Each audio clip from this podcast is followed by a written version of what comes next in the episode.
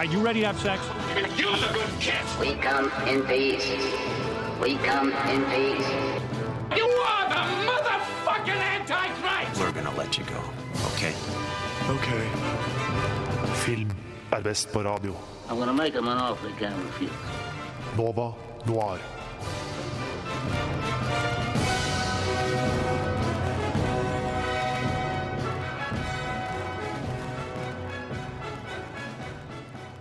Hallo, hallo. Det er eh, Nova Noir. Klokka er ti. Det er torsdag. Så vi sitter her som eh, vanlig. Hei, Kim Hilton. Hei, hei. Går det bra? Det går bare bra. Mhm. Hei, Hanna. Hallo. Går det bra? Ja, det går bra. Eh, jeg heter Ludvig Kviltil og skal ta dere gjennom disse to timene. På spa bak spakene har vi Ulrikkes venne. Men la oss varme opp litt med hva vi har sett den siste uka, da. Har du lyst til å starte, Hanna? Ja, eh, av um, Eller jeg fikk høre fra Tone at jeg hadde missa veldig ut når jeg ikke hadde begynt å se på Bojack Horseman, så det er det jeg har brukt tiden min på denne uka. Det har du sagt, og jeg er veldig glad for at du begynte. Ja, du òg, ja. ja. ja. Nei, um, jeg er veldig usikker på hva jeg syns om det, egentlig. ja, hvor langt er du igjen? Uh, tre episoder inn, da, så jeg har, ikke sett, jeg har ikke hatt tid til å se så mye. Men uh, jeg har jo også hørt at de første episodene ikke er liksom det beste. Nei, jeg syns ikke første sesong er den beste i det hele tatt. Nei. Og jeg er også en som mener at uh, hvis man kjeder seg såpass lenge, så er det kanskje ikke vits. Men eh, Nei. du burde gi det en sjanse hvis du, hvis du ikke har fått helt foten for humoren. Så eh, er det kanskje ikke verdt det, men fordi den fortsetter ganske mye sånn, bare at manus blir bedre, vil jeg si. Ja, jeg hadde litt den samme opplevelsen da jeg begynte å se på Rick og Morty, og det kom seg jo. Jeg, det slo meg liksom Eller jeg syns at det ble bedre etter hvert, da. Um, så jeg kommer nok til å se litt mer, og så får vi se, da. Så kan i så fall eh, du og Tone rive meg i fillebiter om jeg ikke liker det. Hvor mange sesonger er det? Nå er det fem? Er det fem er- sesonger? Ja, jeg tror det er femte 95 sesong som kommer ut nå. Har ikke du sett det, Kim? Nei. Men hva er det du har sett? Uh, jeg så Guardians of the Galaxy 2. Jeg prøver å fylle inn de, eh, de Var det målene. første gang? Første gang jeg så den? Ja. Å, kan du please si at du har hatt den? Jeg har hatt den. Ja! Jeg likte den ikke i det hele tatt. Gjorde du ikke? Nei, ass. Det føltes, det føltes som en skikkelig fillerfilm. Sånn her, alt var bare sånn Det var ingenting som føltes som det had, var noe betydning i det hele tatt. Og jeg syns bare dialogen var superrar, og jeg syns ikke vitsene var på plass. Og, uh, og av en eller annen grunn syns jeg til og med ikke engang effektene var bra. Og det pleier de jo alltid å naile. Det føltes som det føltes som en høybudsjetts actionfilm eller sånn superheltfilm fra tidlig 2000-tallet. Likte du den første? Ja, jeg likte den første. Gjorde du? Mm. Æsj. Nei, jeg gjorde ikke det. Jeg liker ikke de. Jeg vet ikke helt hva det er. Eller jo, det er litt humoren. Um, I første film så merka jeg at humoren var ikke helt for meg, men det ble jo ti ganger verre i neste når bare humoren ikke satt.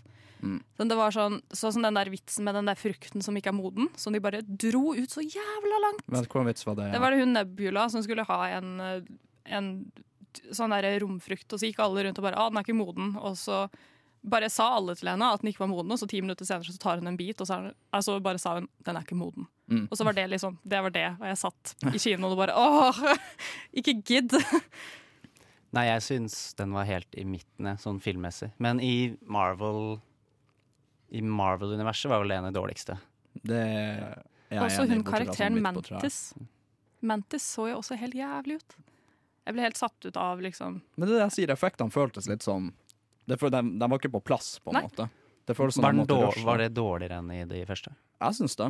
Uh, men jeg har ikke noe sånn direkte sånn sammenligning, på en måte. Men jeg husker bare jeg satt og så den filmen, og spesielt den åpningsscenen hvor de skulle slåss mot en sånn tentakkelmonster, tentakelmonster, eller hva det er, liksom, når, den der, eh, når creditsen kommer. Den også, det så bare sånn Skjønn, når Den man på en måte ser at det her er spilt inn i en green, sånn green studio, liksom. Var det den når Groot hoppa rundt og dansa, Ja. og så fulgte du liksom Ja.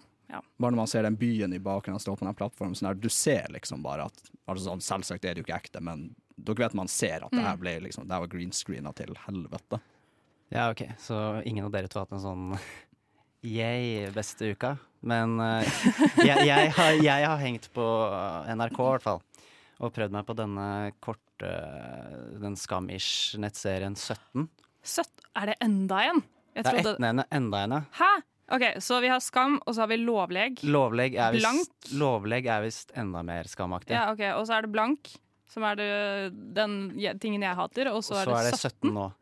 Uh, og den, den er enda mer, eh, hva kan man kalle det, minimalistisk. I det at eh, episodene er mellom åtte og med åtte minutter og et kvarter lange, tror jeg bare.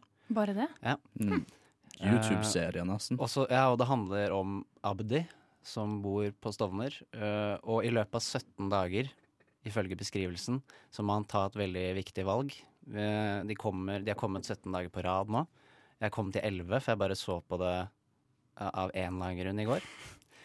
Og det gikk jo kjempekjapt. og de prøver liksom å gi et, hva kan man kalle det, realistisk Lite realistisk innblikk i livet på Stovner og det multikulturelle Oslo Mm. Gjennom én fyr.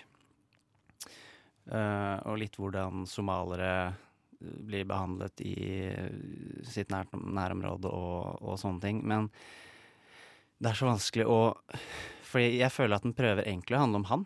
Ja. Men så prøver den å liksom si noe bredere. Og jeg skjønner ikke helt hvor den vil. Nå er det fire episoder igjen, da, riktignok. Men, Men sier den- de hva dette valget er? Dette her er valget. Det står liksom mellom Jeg skal ikke spoile, men det står liksom mellom Jeg finner liksom tre-fire ting som dette ene store valget kan være. Ja, Og når det ikke Når det må løses opp i løpet av maks en time nå, til sammen, på fire episoder, så føler jeg ikke at da har det tatt litt for lang tid, syns jeg. Ja. Så det er vel egentlig det jeg har sett denne uka her. Ingen virket helt fornøyd. Nei. Eh, Men da kan vi rett og slett bare høre oss som, oss som bare drar av Blomst. Oss som bare drar av Blomst. Uh, nå skal vi inn i nyhetsbildet de siste ukene. Mm. Eh, det har skjedd en del spennende. Jeg fant i hvert fall noe som var veldig spennende, men du kan begynne, du, Kim. Jeg òg fant noe som var superspennende. Eller det gjenstår kanskje litt å se, men Space Jam 2 ser ut som det kommer. Space Jam 2 med LeBron James. Uh, jeg tror det blir superkult, men den, er, den har fått litt sånn Half-Life 3-status nå, for jeg føler at folk har snakka om at Space Jam 2 skulle komme ut nå sånn i ti år eller noe. Uh, men nå har de visstnok fått eh, Ryan Coogler, som regisserte Black Panther, uh, regisserte Creed. Og de skal satse på Space Jam, liksom. Ja, de, de går inn for det her. Uh, han skal ikke regissere, vel å merke, i hvert fall ikke foreløpig. Han skal være produsent for filmen. Ja, ok, Eh, det er ikke Men det at du på en måte har navn tilknytta noe annet enn LeBron James, og da også relativt store og busy navn i Hollywood, det tenker jeg er et godt tegn. Jeg tenker at det kan være et lite rødt flagg hver gang de eh, putter et sånt svært navn på produsentrollen. Fordi de trenger ikke nødvendigvis gjøre så veldig mye Mm. annet enn å kanskje delegere litt penger. Men det betyr i hvert fall kanskje Eller jeg tenker at da, da kommer filmen, i hvert fall. For det er jo det at det har jo vært så mye sånn tull og tøys, mm. rykter og bilder, og folk som har laga sine egne Photoshop-bilder av Space Jam 2 og lagt ut på Instagram og alt mulig, og folk tar, har tatt det for god fisk. Men du Eh. beskriver det som spennende nyheter. Betyr det at du er fan av den første? Jeg er kjempefan av den første. Det er, sånn, det er skikkelig nostalgi Med, for med meg. ironisk distanse, eller rett og slett fan? Nei, jeg er en fan av den. Det er ikke ironisk engang. Altså, jeg, jeg setter meg ned og ser den i dag og tenker at Hva skal jeg si? Det er jo det, det er kanskje gjerne en film for unger. Det er kanskje ikke litt sånn Disney-film at de har så mye verdi uh, når du ser dem som voksen. Uh, men jeg elsker den filmen som, som, uh, som kid. Og Men det er koselig, da, liksom. Å sitte og se på den. det er kjempekoselig. Ja. Eh, ja, jeg vet ikke, jeg syns den var gøy. Og jeg, jeg tror egentlig jeg liker den fortsatt. Jeg tror jeg kan sette meg ned og tenke at det her var en kinda en bra film, på en måte. Hvor lenge siden var du så den sist? Sist jeg så den var tre-fire år siden, kanskje. Ja, ok. Det eneste, det eneste jeg egentlig bare sånn lo som var sånn helt latterlig, det var på slutten av Space Jam, når Michael Jordan skal til å liksom dunke det siste liksom avgjørende dunket. Og så er han i lufta, så hopper de romvesenene og tar tak i liksom beina hans for at han ikke skal komme til kurven. Men så bare av ren viljestyrke så bare hopper han videre i lufta, på en måte. Ja, men De har ikke sagt eh, hvilken, om det skal være noe sånn stjernenavn fra basketverdenen? Det blir Det- ikke sånn, er det LeBron? Det er LeBron, ja. Oh, ja, LeBron. James. Det blir han som liksom tar den Michael Jordan-rollen, da. For det er jo liksom den, den, den sykeste. Det er jo det som er plottet i Space Jam. Den første er at uh, romvesenet stjeler basketferdighetene til de største basketstjernene. eh, så Looney Tunes må liksom en liste Michael Jordan, som ikke er basketballspiller lenger. Han har begynt å spille golf, men han er jo liksom den beste. Altså Hva man fant på å lage film av før, liksom. Så skal vi krasje Looney Tunes inn i basketball. Men 90 90-tallet er jo herlig, da. Mesterverk. Mesterverk. Er Nydelig. Uh, ja, det er vel egentlig det jeg har. Ja, i min nyhet, i hvert fall veldig stort for meg, er at Wes Anderson allerede har hintet om sin neste film. Mm. Det, hans seneste kom i våres, Ja. så det har gått fort. Eh, og angivelig skal han gå litt ut av komfortsonen sin og lage en musikal.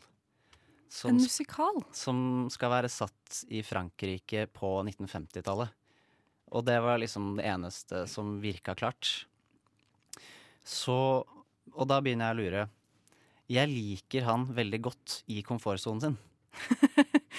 Jeg føler at der thriver han, og alt han har laget til nå, har jeg likt veldig godt. Mm. Eller over middels. Jeg vet ikke hva slags dere, eh, forhold deres er til han. Jeg har ikke tenkt over det så veldig mye, men jeg tenker jo ikke Wes Anderson og musikal. Det blir Nei, litt heller. sånn eh, Det blir litt ja, hva skal man, det, det er som du sier, det er veldig ute av komfortsonen. Liksom. Jeg blir jo litt ute av komfortsonen på å høre på det. Ja, og, og han er quirky. Humoren hans er quirky. Og det går definitivt an å lage en quirky musikal. Derfor jeg skulle til å si Han har jo litt sånn spesiell stil, så jeg kan på en måte se for meg en Wes Anderson-ifisert musikal, selv om det kanskje ikke er den type film. Ja, for jeg ser for meg hvordan den ser ut. Eh, det jeg det jeg gleder meg slash gruer meg mest til, hvis dette blir noe av, er hvordan sangene kommer til å bli. Hva, hva, hvilken sjanger det er, Mm. og hvem, hva plottet blir, på en måte. Men kan man tenke litt sånn, sånn når de som lagde South Park, lagde The Book of Mormon, liksom. Alle sa sånn Hæ, hvorfor, hæ, hva er det dere driver med, liksom? Dere ikke gjør det. Og så ble det jo sykt populært. Så kan det hende at dette blir en sånn skikkelig hit. Jeg håper det. Jeg håper det definitivt. Uh, har du noe? Jeg har noe. Um, I sommer så ble det jo eh, bekreftet at det skulle komme en Zombieland 2. Og nå har nyheten kommet om at produksjonen skal starte i januar, og jeg gleder meg allerede. Blir tiårsjubileum, da. Det blir Ja, Ja, er det, ja det blir det. det. Ja. Mm. Jeg husker jeg så denne her når jeg hadde sånn skikkelig zombiefase. Og så var dette her den første sånn zombiefilmen jeg hadde sett som var morsom. Alt annet går rundt og bare Man sitter bare der og blir deprimert, liksom. Men denne her var jo morsom. Så jeg, jeg gleder meg. Jeg gleder meg sykt mye. Jeg husker at den- jeg syntes den var så morbid, fordi at den tok liksom den, den humoren eh, Den der hvor folk dør og man ler av det. Mm. Men nå når jeg har blitt mer og mer kynisk opp igjennom, så er sånt bare gøy, egentlig. Nei, ikke sett den siden da heller. Men har de, har de bekrefta liksom casten? Er det de samme folkene som Jeg har ikke sett noe på at de har bekreftet det 100% så det blir jo spennende å se. da. Jeg tror eh, Nå skal jeg være litt forsiktig med å nevne navnet her, Fordi nå husker jeg ikke hvem som kom seg levende ut av filmen. Og ikke. Nei, det er sant. det er lenge siden jeg har sett noe. Jeg bare husker at jeg syntes den var veldig morsom. Og det ble, kom veldig mange memes ut av det. Veldig mange. Ja. Veldig mange. Og mange av de er døde, dessverre. Ja. Men jeg likte best den, eh, den derre first world problem når man tørker seg selv med pengene på det, når de sitter og spiller Monopol. ja. Den, den liker jeg. Ja, den lever jo ennå. Ja. Det var vel nyhetsuka, Ja. rett og slett. Da hopper jeg rett over til Blue Eyes av High Hopes, faktisk.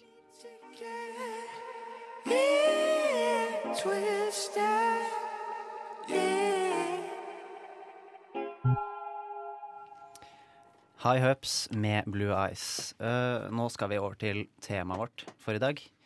Og det er rett og slett uh, metodeskuespill. Fremgangsmåten hvor skuespillere rett og slett uh, gjør det lille ekstra for rollen sin ved å ikke bare spille, men gå fysisk og psykisk inn i både kropp og sjel til rollen de spiller. Og denne her denne kulturen jo, går jo lenger tilbake enn film. Det begynte jo på scenen, ikke sant, Hanna? Ja, det gjorde det. Uh, metoden er jo mest kjent, da. Fra, eller den metoden vi snakker om i dag, skuespillmetoden, kommer fra en teatermann som het Konstantin Stanislavskij. Og det er den metoden som de fleste peker på i dag, da. Um, som det er han sin inspirasjon, da.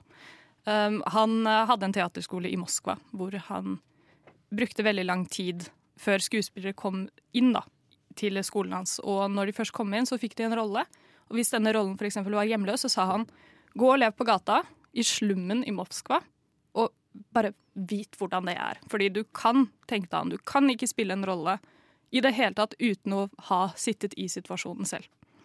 Så om vi skulle gå så langt, da. Du vet ikke hvordan det er å føde med mindre du har født. Så gå og få deg en unge, og så kom tilbake, liksom. Han mener rett og slett at du ikke skal spille, men være. Ja. Så det transcenderer jo nesten det å være skuespiller. Eller det går, det går jo nesten imot ordet å være skuespiller, ja. hvis man tenker sånn. Men det går jo inn i dette med å ha livserfaringen. Nettopp. som eh, du som regel ikke har, da. Så vi skal jo snakke om flere skuespillere her som har tatt ekstreme lengder for å gå inn i forskjellige roller. Mm. øh, hvordan øh, Ja, du er stille, Kim. Har du Mm. eh, noe meninger om eh, metodeskuespill som konsept, før vi går inn på spesifikke roller? Uh, jeg syns det er et veldig kult konsept, og det kommer jo mye bra Mye bra performances og mye bra filmer ut av det. Um, men jeg, jeg tror det er en god grunn til at det ikke er så veldig mange som gjør det, i hvert fall av de store. Eh, det er vel en veldig krevende prosess, Ja. eh, ofte både fysisk og psykisk for skuespillere. Det er det. Det er veldig mange skuespillere som har knokket sammen av Mm. press og av eh, dette, alt, disse følelsene som de bærer på, som ikke er sine egne, men som må være deres egne for at de skal få det til. Da. Så det er jo veldig mange um, skuespillere som sier at de er method actors, som har kanskje prøvd det litt ut, og så har de funnet ut at wow, det her gikk ikke bra. Mm. Og så har de liksom gått tilbake, da. Senere i sendingen, når vi har eh, pratet om hvert vårt, så skal vi snakke om følgende, eller reflektere ut følgende. Men når vi har pratet litt om hva vi liksom mener i forkant Mm. Si at du er en uh, produsent eller en uh, Eller en regissør, da. Ville du med et eh, halvstort budsjett, ville du på en måte villet ha metodeskuespill i en dramafilm, si det da? Mm, i, ja, hvis vi snakker drama. Fordi da går det jo mer på dette med kjærlighet og dette med vanskelige livssituasjoner som som regel ikke går over til å bli farlig. Fordi det er jo noen av disse metodegreiene som faktisk kan bli direkte farlig. Så ja, i drama. Så ja.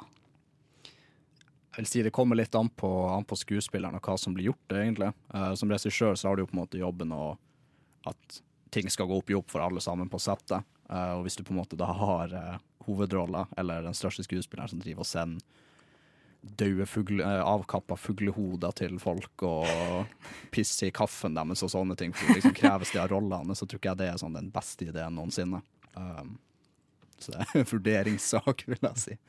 Nei, for som bare som metode så blir det Ja, det blir kanskje litt sånn vanskelig å reflektere rundt det i det store, kanskje. For vi har jo tre caser hver, vi tre. Jeg bare tenkte det var greit å kanskje få luftet litt hva vi mente. Og i hvert fall få litt historie, litt innføring. Ja. Så takk for det, Hanna. Bare hyggelig. Da hører vi Pace av Meisha. Guess time will show. Det var Meisha med Pace.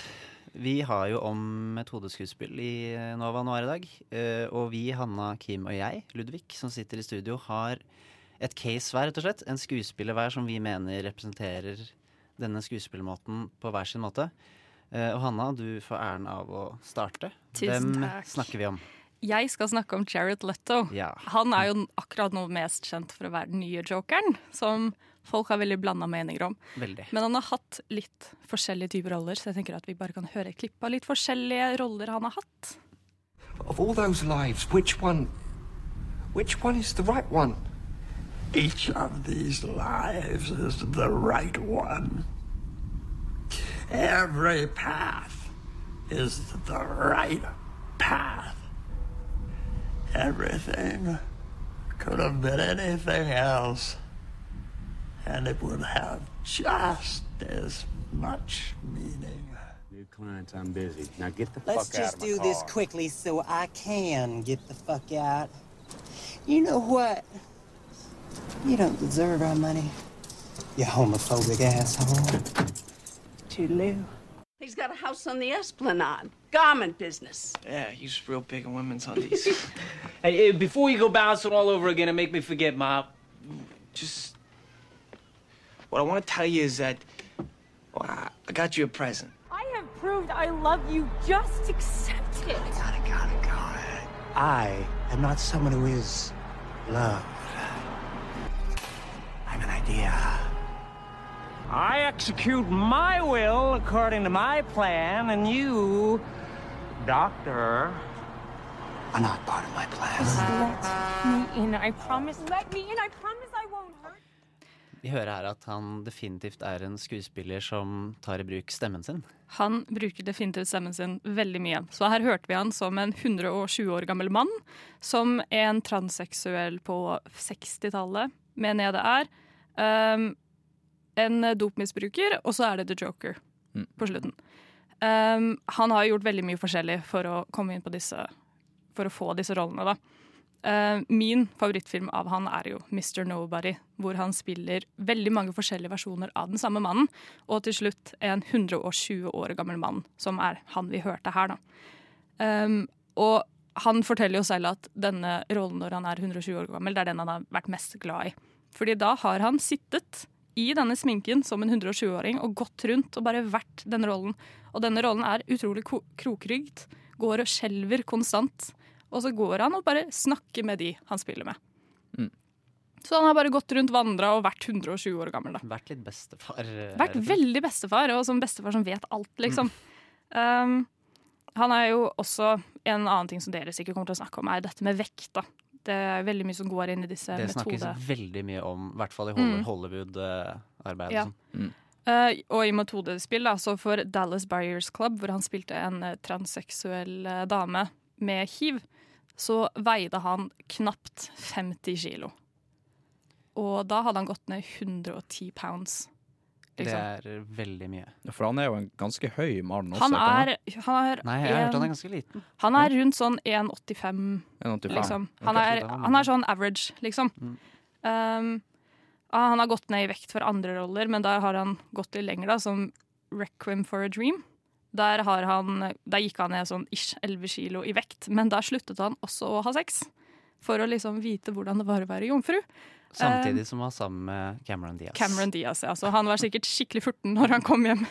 Uh, og så for den rollen så levde han også på gata i to uker. Så det er sånn klassisk sånn Um, Det er, veldig, det er Stanislavski det er selv, klassisk Stanislavski. Sånn at han satt på gata og bare eksisterte i to uker, før han da gikk inn i rollene. Jeg liker at han måtte gå to, to måneder uten sex for å, vi, liksom for å vite hvordan det er å være jomfru, som om han aldri har vært en jomfru. Jeg tror det var litt den der, på denne, I denne filmen her og sånn, så blir han veldig ukomfortabel når mammaen hans tar på han. Mm. Og jeg tror det er litt det som han er liksom sånn øh. Det, det høres litt ut som han unngikk eh, altså nærhet generelt. Ja. Ikke bare seksuelt. Nei. Eh, Men det var denne sexdelen som folk Mm. veldig fokuserte på. da. Så klart er det. Ja. Men det han er mest kjent for nå, da, er jo denne joker-rollen. Den, eh, han har jo tatt over for Heach Ledger, Mm. og folk er jo så pissed. Så det kom veldig mange rykter om hvordan han klargjorde seg for den rollen, som du, Kim, sa i stad, med å pisse i kopper og sende rottehuer. Det er ikke Jeg sant! ingen navn. Jeg sa ingen navn. Du sa ingen navn. Jeg bare brukte ekstreme, Ja. eksempler. Um, det kom jo veldig mye fordi folk mislikte jo Jared Leto veldig for denne rollen og måten han ville framstille The Joker. Så Mm. det ble en sånn snøballeffekt hvor folk var sånn Å ja, han sendte brukte kondomer. Og så bare var alle mediehusene sånn Wow, han sendte brukte kondomer. Og rotter! Og så ble det liksom bare verre og verre og verre. Altså, Um, i, den, I det flykrasjet som den filmen der er, så er det han noe av det jeg liker Altså noe av det bedre. Ja, jeg er helt Så- enig. Nei. Jeg, jeg, jeg hater ikke på den i det hele tatt. Jeg syns han hadde veldig lite å jobbe med i den filmen der. Og han Det var som, eh. Ja, Det som var veldig morsomt, da, var at han hadde jo et par intervjuer etter at filmen kom ut. Og så har han fått spørsmål om sånn der, ja, hva er det du likte best med filmen, og hva er du mest stolt av? Og han har bare latt som at den filmen ikke eksisterer. Det var på et intervju hvor som han bare Det er andre. hans måte Ja, Han å liksom, sånn passiv-aggressiv sånn Ja, hva synes du om filmen? Hvilken film? Nei, Suicide Squad. Jeg er ikke med i den. Han bare Nei, Nope. det orker jeg ikke. Skjedde ikke. Men jeg skjønner at han er sint for den, da, for de brukte jo trynet hans overalt og var sånn Se, Joker, Joker og Joker. Folk trodde at dette ville være en Joker-film, Mm. og så fikk vi sånn train wreck av et søppel. Altfor mye karakterer. eh. Men eh, er det noen andre filmer du vil dra fram? Eh, Jeg vil dra fram filmen som heter 27, som handler om hvordan John Kennedy ble drept. Var det ikke Nei, John Lennon. John. Lennon, John. Lennon ble drept. Fordi da spilte Jared Leto um, morderen til John Lennon, og han er helt ugjenkjennelig. Jeg viste Kim et bilde i går, og Kim lå nesten på bakken og lo. liksom. Han ser ut som en sånn fyr som spiser 20 boller hver dag og bare sitter og drikker cola. Han gikk opp, så han ble 120 kilo i den filmen. Mm. Og han ligner ikke på Jeg seg selv. Jeg blir satt ut hver gang jeg ser bildet. Mm. Det eneste jeg kan ta det på, er øynene hans. Ja. Men i filmen så pleier han å ha sånne der stygge 80-talls, 70-talls solbriller. Ja, det er veldig sant. Så om du kjære lytter blir veldig interessert nå, så hadde jeg søkt opp akkurat denne rollen her, altså, og et sånt bilde fra en eller annen konsert fra 30 Seconds of Mars, hvor han er liksom seg selv, da, og sammenligner litt, fordi øh. Du blir sånn oi, hjelpes, liksom. Jeg sa han var thick med to c-er. Ja, veldig thick. Ja, skikkelig thick. Skikkelig, skikkelig thick. Mm. Men sånn avslutningsmessig, kanskje at, uh, at han er så god med stemmen, uh, ligger litt i det at han også er musiker. Det er mulig. Fordi han er jo et, uh, han er et multitalent. Han er det. Folk eh, Veldig mange som er uenige med det òg, da. Jeg, synes det, altså, jeg har vært fan siden jeg var bitte liten, så det kan hende at jeg er litt biased her, da. Men eh, Ja, personlig så er jeg ikke så veldig fan av musikken. Hater det heller ikke, men eh, fansen har jo sitt å si, da. Så Ja. det er mange av dem. det er veldig mange. Vi er mange, mange. Um, jeg er jo veldig glad i det, men det, jeg tror det henger litt igjen fra emo-perioden min, og så bare sitter jeg og holder på det. For de gir jo knapt ut musikk. De- Ja, det er vel hvert femte år eller noe sånt. Ja, ja, altså det er når Jared Lara er bare litt sånn Oi, jeg har et band! Og så Det er når han ikke driver og tuller rundt med og skal spille rolle, antar jeg. Ja, det, det pleier å være det, da. Sommerferien hans. så Ja.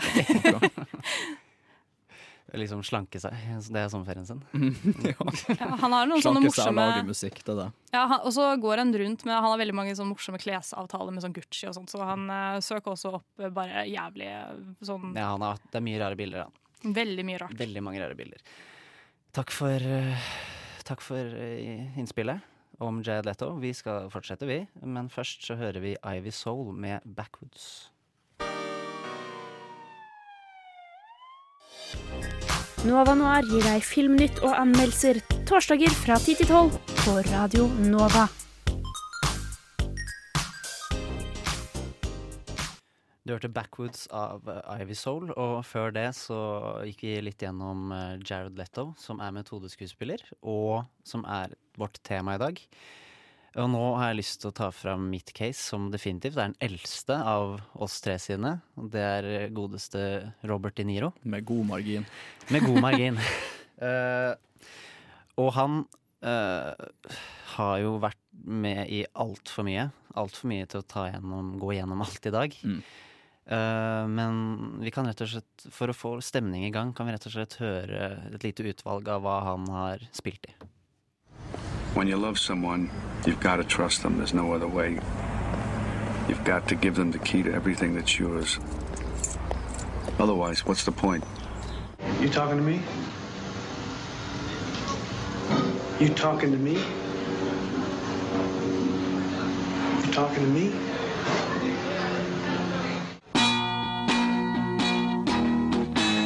Listen, I swear to my mother, you come with me next Tuesday. I signed the paycheck over to you, Charlie. I swear to my mother, swear to Christ, okay? Come on, you come, it's $110, you give it to Mike. Come on. I buddy up with a guy one night, he maybe kills somebody the next night. It comes out I got drunk with the shooter, I got his girl in my house. Let me tell you, that is involved. I swear to God, I don't know what the hell you're talking Whatever. You fuck my wife. What? You fuck my wife. Could you ask me a question like that? Just tell me.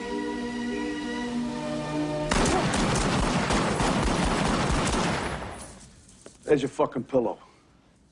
Feel better? Yeah, I do.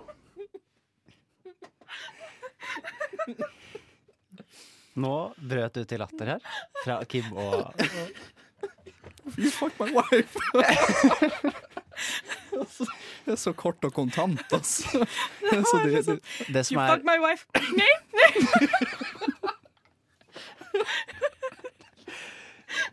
Vet du hva som egentlig er noe av det morsomste? Det er at eh, det er kanskje den mest tragiske rollen han har spilt.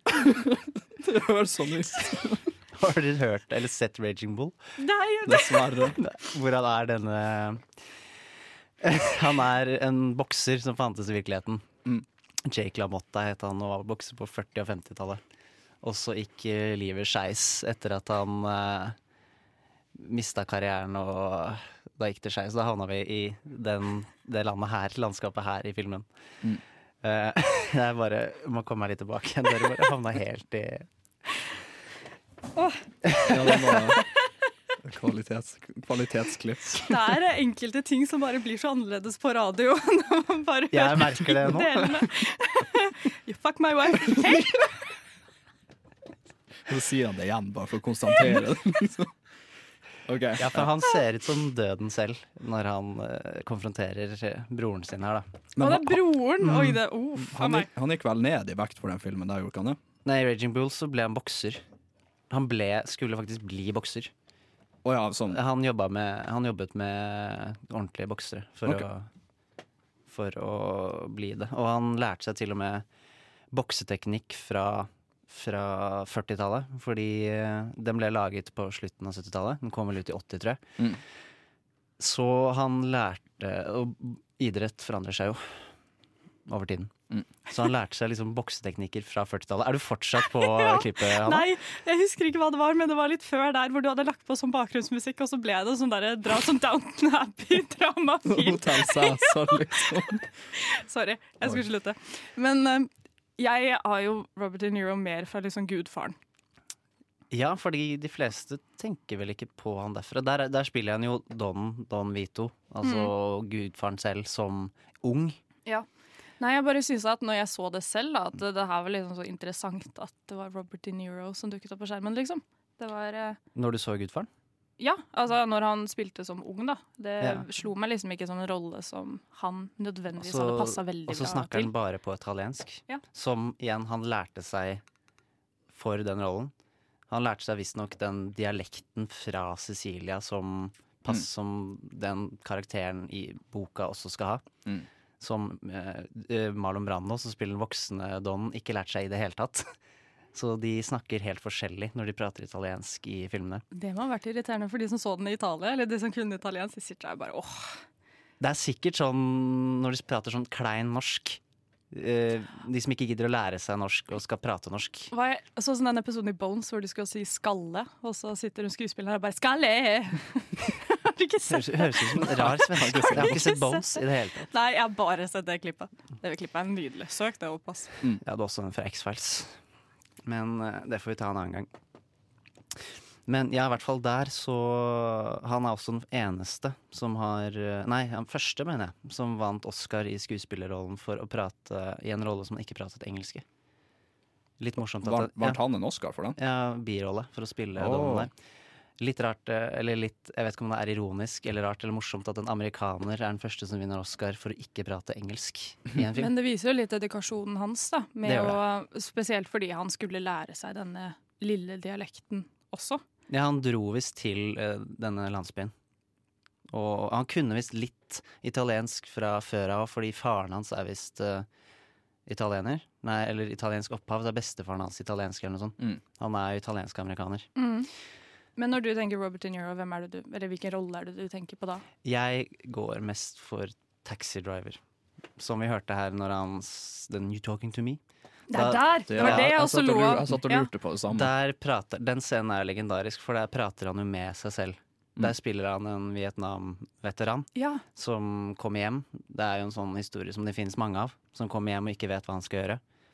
Og så blir han taxisjåfør. Han bare går og spør Hei, kan jeg bli taxisjåfør. Sier de ja. Så blir han det. Men han er jo Han sliter jo veldig mye med Denne rollen sliter jo veldig mye med alt. Ja. PTSD, ingen venner, eh, dårlig sosial, dårlig sosiale antenner. Mm. Det er liksom en fyr som gjør alt feil. Og for denne rollen så Han dro ikke i krig for å gjøre dette her, men han pratet veldig mye med Vietnamkrig-veteraner, og det var, denne her ble jo lagd bare to-tre år etter soldatene kom hjem igjen. Så han fikk sjansen til å møte ganske ferske eh, ferske, fersk PTSD, hvis Ja. det høres Når var det eh, denne filmen ble laget igjen? den kom ut i 1976, Ja. og jeg tror amerikanere kom hjem fra Vietnam i starten av 70-tallet. Ja, det tror jeg. Mm. Ja. Så det var en unik sjanse for han til å møte disse her ganske rett på, da. Men det er jo kult at han uh, tok Det er jo vanskelig å liksom snakke med disse menneskene som sliter med PTSD. da. Det er det. Det er jo veldig utfordrende å liksom finne, fordi man har jo disse små triggerne som gjør ting vanskelig for dem. da. Så det er liksom noe Det å sitte og finne ut av hva triggerne skal være, og hva som er vanskelig for karakteren i Taxi Driver, det må jo ha vært sykt utfordrende for han å finne ut av. da. Ja, det er det. Og som eh, skuespiller, som metodeskuespiller, så føler jeg at eh, De Niro kanskje er litt typecasta. Eh, I forhold hvert fall til Jared Letto syns jeg har et bredere spekter av karakterer. Men det For- tror jeg også kan ha noe med at Jared Letto fokuserer veldig mye på hvordan utseendet skal se ut også. Mm. Fordi i de eksemplene mine her så har han ikke bare gått ned i vekt, men jokeren ser helt sjuk ut. Han ligner jo ikke på seg selv. Nei, ikke i det hele tatt. Og De Niro er jo i den der litt rare generasjonen som da han var ung, så var det fortsatt den gamle teatralske skuespillerkulturen som gjaldt i film. Mm. Da han studerte, og så inn, liksom, kom han inn i den Stanislavskij-greia. For han var jo den eneste som visstnok i sin klasse på dramaskole som fulgte Stanislavskij. Så han satte ut liksom medelevene sine litt grann sånn. Ja, som spilte. eh, gammel skuespiller, eller drama, VGS-greier, da, så kan jeg skjønne hvorfor det er slitsomt å holde på med. Altså. Det er stor respekt for de som får det til. Men hvordan typecaster, mener du? Sånn typecaster som hva da? Nei, at uh, ofte som bare på, på det vi hørte på lydklippet her, ofte sint, gjerne kriminell. Italian guy. Og, og, ja, og hvis han er snill, så er han ofte litt sånn hissig politimann. Mm. Eller en, en som i Taxi Driver, da, der er han jo ikke nødvendigvis slem. Han er bare øh, gæren. Ja. Han har den standard Brooklyn-dialekten, eller Italian Brooklyn. han spiller ofte en fra New York òg, vet du. Ja. Så han er liksom Han har sin boble der, da. Mm. Så, men jeg på en måte Hvordan kan vi liksom beskrive han? Litt typecastet, men det ligger, det ligger liksom godt håndverk bak hans typecast, da. Ja. Hvis det gir mening. Ja, det- det gir Fordi mening. hvis du først skal uh, bli satt litt i boss, så hvorfor ikke gjøre det beste ut av det når du skal arbeide, liksom. Mm. Fordi nå har jeg han forfalt lite grann. Fordi det er både fordi når du er gammel, så er det vanskelig å få jobb i USA. Men uh, han, det er lenge siden han har dedikert Han har vel ikke vært ordentlig dedikert sånn behind the scenes siden 90-tallet. Nei, det er sant. Nå så jeg forresten at han er credita under en film som skal komme til neste år. Fikk ikke helt med meg hva den het, men han eh, sto i hvert fall som skuespiller under Var det en familiekomedie? Du vet hva, fullt mulig. Jeg vet ikke. Han er, han er med mye sånt nå. Altså. Ja, for det er litt sånn, jeg føler at nå er han liksom uh, Nå er det Robert De Niro som gammel Robert De Niro, liksom, i en I en sånn- film ja, om i- gam, eh, ja, i, gammel i en sånn casual setting, liksom. En, en familiekomedie eller et eller annet. Her fant jeg den. Den heter The Irishman. Ja, The Irishman. Ja, det husker du CC. Det hadde jeg helt glemt. Takk for at du tok det opp. Den gleder jeg meg til. Men der er det også sånn Der har han samla disse her eh, Den derre Fuck My Wife-sitaten òg. Han som spiller broren hans der, skal også være med i den. De er sånne gamle kjenninger som ikke har spilt med hverandre så mye. Og så er det vel eh, Al Pacino. Så det er sånn trio med litt sånn Hei, vi fantes. Nå skal vi lage en film sammen igjen. Det er veldig koselig. jeg, men jeg håper det blir kult, det. Men har du noen filmer, De nye filmer, du har lyst til å dra fram, Kim? Hva har du tenkt på? Det er Som du syns er kult, liksom? Nei, det var hva skal jeg si, Du nevnte jo Gufaren, Jeg vil bare skyte inn her. Jeg syns det er litt gøy at um, han spiller jo uh, unge Don Corleone, som, uh, og gamle Don Corleone blir jo spilt av hva jeg sa, Marlon, Marlon Ma- Brando. Brando. Og han også var kjent for uh, metodeskuespillet sitt. Ja, han, han sånn- og James Dean var liksom de to på 50-tallet som Ja. starta den i mainstream Hollywood-film. Så du har liksom eh, De Niro liksom portretterer en karakter Altså med De Niro som metodeskuespiller portretterer en karakter som originalt ble portrettert av en eh, tidligere generasjons metodeskuespiller, og som mange anser som kanskje tidenes beste skuespiller. Det er mange lag, og hvis vi går tilbake til priser igjen, så er dette det eneste eksempelet på hvor to skuespillere har vunnet en Oscar for å spille samme person. Mm. Så det er veldig mye lag bare i den rollen og de to skuespillerne. Det, den, den rollen der, den karakteren har fått en special treatment, ass. Ja, han har det. Uh, altså Men ja, det er vel Det er så mye mer jeg kunne sagt om De Niro. Mm. Men uh, Kan ha en egen sending om han. Ja, jeg tror vi kan ha en egen sending om alle våre caser, egentlig. Uh, Vi hører 'Falling Out' av uh, Mosjonist. Det var Mosjonist med 'Falling Out'. Nå har vi Vi prater om metodeskuespill fortsatt. Yes. Nå har vi gått gjennom Robert De Niro og Jared Leto. Litt forskjellige, men veldig flinke skuespillere begge to. Og nå er det ditt case, Kim. Yes. Og hvem er det vi prater om? Vi snakker om Christian Bale. Det? Whoop, whoop. Og han er vel um, uh, Hans form for metodeskuespill, eller han er vel kanskje mer kjent for de fysiske endringene sine fremfor psykiske endringer. Han er vel kanskje ikke typen til å være en uteligger i en måned hvis uh, han skal spille en uteligger, men mer det at han sulter seg sjøl sånn at han ser ut som en uteligger. Han, ten han tenker på å ligne på rollen han skal være. Ja. Ja. Så han har hatt veldig sånn drastiske vektendringer. Uh, det starta vel med The Machinist, som kom i 2004, hvis jeg tar helt feil. Uh, og da, da spilte han en karakter som het Trevor, og han var bare syltynn. Han ser ut som et vandrende skjelett. Han Eh, ser jo nesten ut som en sånn, eh, sånn holocaust-type inmate. Ja, virkelig. Ja. ja, eller er sånn husker, poster child for Unicef, skulle jeg til å si, eller noe sånt. jeg husker jeg så den scenen når han liksom reiser seg fra badet og bare er syltynn, og det er blå lys, og liksom bare alt ser helt jævlig ut. Det Og jeg så den i forbifarten på hytta, hvor mamma og pappa hadde liksom begynt å se på en film som hadde kommet opp, da. Og jeg bare Hva er det? Jeg bare Wow, Det hva er jo er det? spooky som var det. Det er jo kjempe, Og når det er bare det du ser, så får du helt sånn Mm. Nei takk. Jeg vet nei, at nei han for den rollen levde på et eple og en kopp kaffe. Ap- Eple og kopp kaffe. Eh, han Ja, dietten hans bestod av det, og han gikk faktisk ned sånn nesten 30 kilo uh, på mån, bare på måned, og veide Christian Bale er sånn, jeg tror, sånn som vi sa med Jared Leto, sånn type 1,85. Han Ja. er sånn average høyde, kanskje litt mer average pluss, og han på det laveste veide 55 kilo. Når jeg tenker Jeg syns det ser mindre ut, nesten.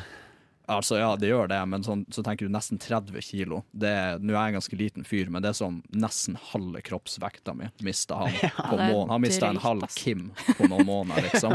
Men det er jo en del ting som disse skuespillerne som går veldig på vekt, også snakker om at eh, til slutt så vaser de jo bare rundt på dette settet og nesten besvimer. For det fortalte jo Jared Leto at han også gjorde i eh, Dallas, Dallas Buyers Club. Mm. Dallas Buyers Club. At han på slutten så bare besvimte han litt sånn av og til og måtte legge seg ned fordi for- han var så syltynn. Lange jobbdager, ikke sant. Lange Mm. dager på sett. Du kan tenke deg sjøl når du har hatt en lang dag og du har mista lunsj eller noe, hvor sliten du er, og så Ja. gjør du det bare sånn gang i hundre for du har ikke spist lunsj på et år, liksom. Du får et eple sånn Oi, litt lavt blodsukker, her har du et grønt eple. Et glass bare- vann hvis du er litt tørr i stemmen eller noe. Det er, et, det er et psykisk spill også, å gjøre dette her. Det som er rart, var at Christian Bale beskrev den prosessen der som mentalt beroligende, faktisk. Da er du, Uff, da er du sjuk i huet, da. Ja, Kanskje det altså- kreves litt men, eh, for å gjøre det, men eh, Det veide jo seg jo litt opp, da, fordi et halvt år senere så skulle han jo spille Batman da, i rebooten til Christopher Nolan. Et halvt år senere. Fordi det er det han er kjent for, disse raske opp- og nedgangene. Mm. I sånn sinnssyk fart. Ja, for de, jeg klarte ikke å finne ut Det sto liksom at han gikk ned 30 kilo på liksom quote unquote måneder, months, til uh, The Machinist. Så jeg vet ikke hvor lang tid han brukte på det. Eh, men til Batman så hadde han et halvt år på seg, det var deadline hans. Eh, og han gikk opp 45 kilo. Jo, muskler omtrent bare. Og det er, det er liksom hva det er, tre kvart Kimma han gikk opp på et halvt år. Er det den nye standarden? Det er ny standard, det er ny målenheten vi går for. Vet du hva. Den måleenheten er jeg helt enig med. Men det er jo litt spennende, da, fordi det er jo denne muskelmassen det er jo det som er vanskeligst å liksom opparbeide seg når du skal bare rent opp. da. Du kan jo spise deg til et helvete, og kroppen tar jo til seg alt når Mm. du er så liten. Men det at han liksom Han må jo ha besvimt. Ja, I hvert fall når du så ut sånn som han gjorde på begynnelsen. Du kan tenke deg han der skal begynne å løfte vekter. Jeg orker ikke, det er så fælt. Første, første gymdag må ha vært eh, ganske trasig. Ja, Han sa han klarte ikke å ta en eneste pushup. Uh, han hadde god hjelp av en personlig trener og sikkert en haug med sånne ernæringsfolk og alt mulig, men ja, som sagt, det, det du sa, han å bare bygge opp musklene og starte som bokstavelig talt fra ingenting. Du bare skinn og bein. Klarer ikke å ta en pushup, og så blir du juicy. Da. Altså, han ble, eh, han ble bøst i den Batman-filmen der. Der vi må være litt uh, kritisk kanskje til uh, hvor imponerende sånn, uh, i hvert fall sånn type kropps, sånn bygning og sånn er, Mm. er at dette er folk som får veldig godt betalt for å ha dette som en heltidsjobb, Ja. med folk rundt seg som gir dem den ernæringen de trenger. Det Hadde, hadde du gjort dette her bare alene, så hadde du mest sannsynlig stryket med. Mm. Eller noe sånt. Det er sant. Og så ryktes vel at det finnes Det er vel en del folk som profesjonelt tar steroider, som kontrollert tar steroider for å komme seg til de, de bøse actionrollene de må være. Uh, men så vidt jeg vet, så gjorde ikke han det. Nei, Uh, men det er jo spesielt den nedgangen som er fæl, da. Fordi det har jo dukket opp bilder av både Christian Bale og Jared Leto og bare mange forskjellige skuespillere som har gått ned i vekt. Mm. At de har dukket opp på sånne Inspiration-type sider, da. Fordi eh, da har de tatt det som at å ja, men nå har Hollywood liksom godkjent denne vekten. Som Ja. er fryktelig trist, da. Ja, det er jo en følge av sånn type greier.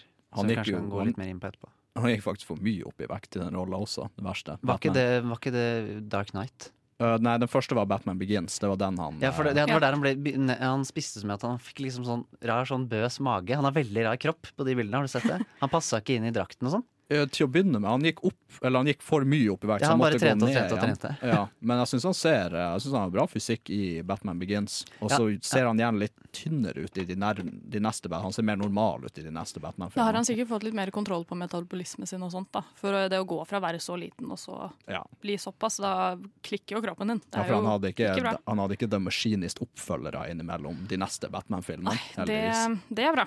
Da hadde han nok strøkket med. Uh, men nå som uh, i det siste, så er han blitt, uh, blitt thick. Han skal spille Dick Cheney, uh, som så vidt jeg har forstått var en amerikansk visepresident Ja, til, ja. til George W. Bush. Ja, og um, Ja, vi har jo for så vidt et klipp hvor de nevner det. Uh, et intervju og litt mer fra diverse roller han har hatt, så vi kan spille. Christian has unbelievable stamina. I mean, I've seen his workload every day. And if he does get two hours off in the morning, he has to rehearse a fight. Can I ask you, Gail did mention that you do look a little bit different than last time. I do look a little bit different. She walked straight past me going, Where's Christian? I was like, Hey, I'm over here, Gail. I know that I felt Yeah. foolish. So we can say it, you put on some weight, but for a Well, no, role. Quite a lot of weight, yes. Yeah. How many pounds did you put on? I thought it wasn't just for fun that I decided to shave my head, uh, bleach my eyebrows, Your and put on 40 pounds. I was playing uh, 40 pounds? Um, a Mr. Uh, uh, Dick Cheney in a film which we uh, uh, wrapped uh, last. You okay? I look okay? If you were any thinner, you wouldn't exist.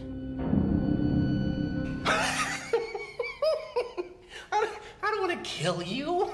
What would I do without you? Go back to ripping off mob dealers? No, no. No. No, you.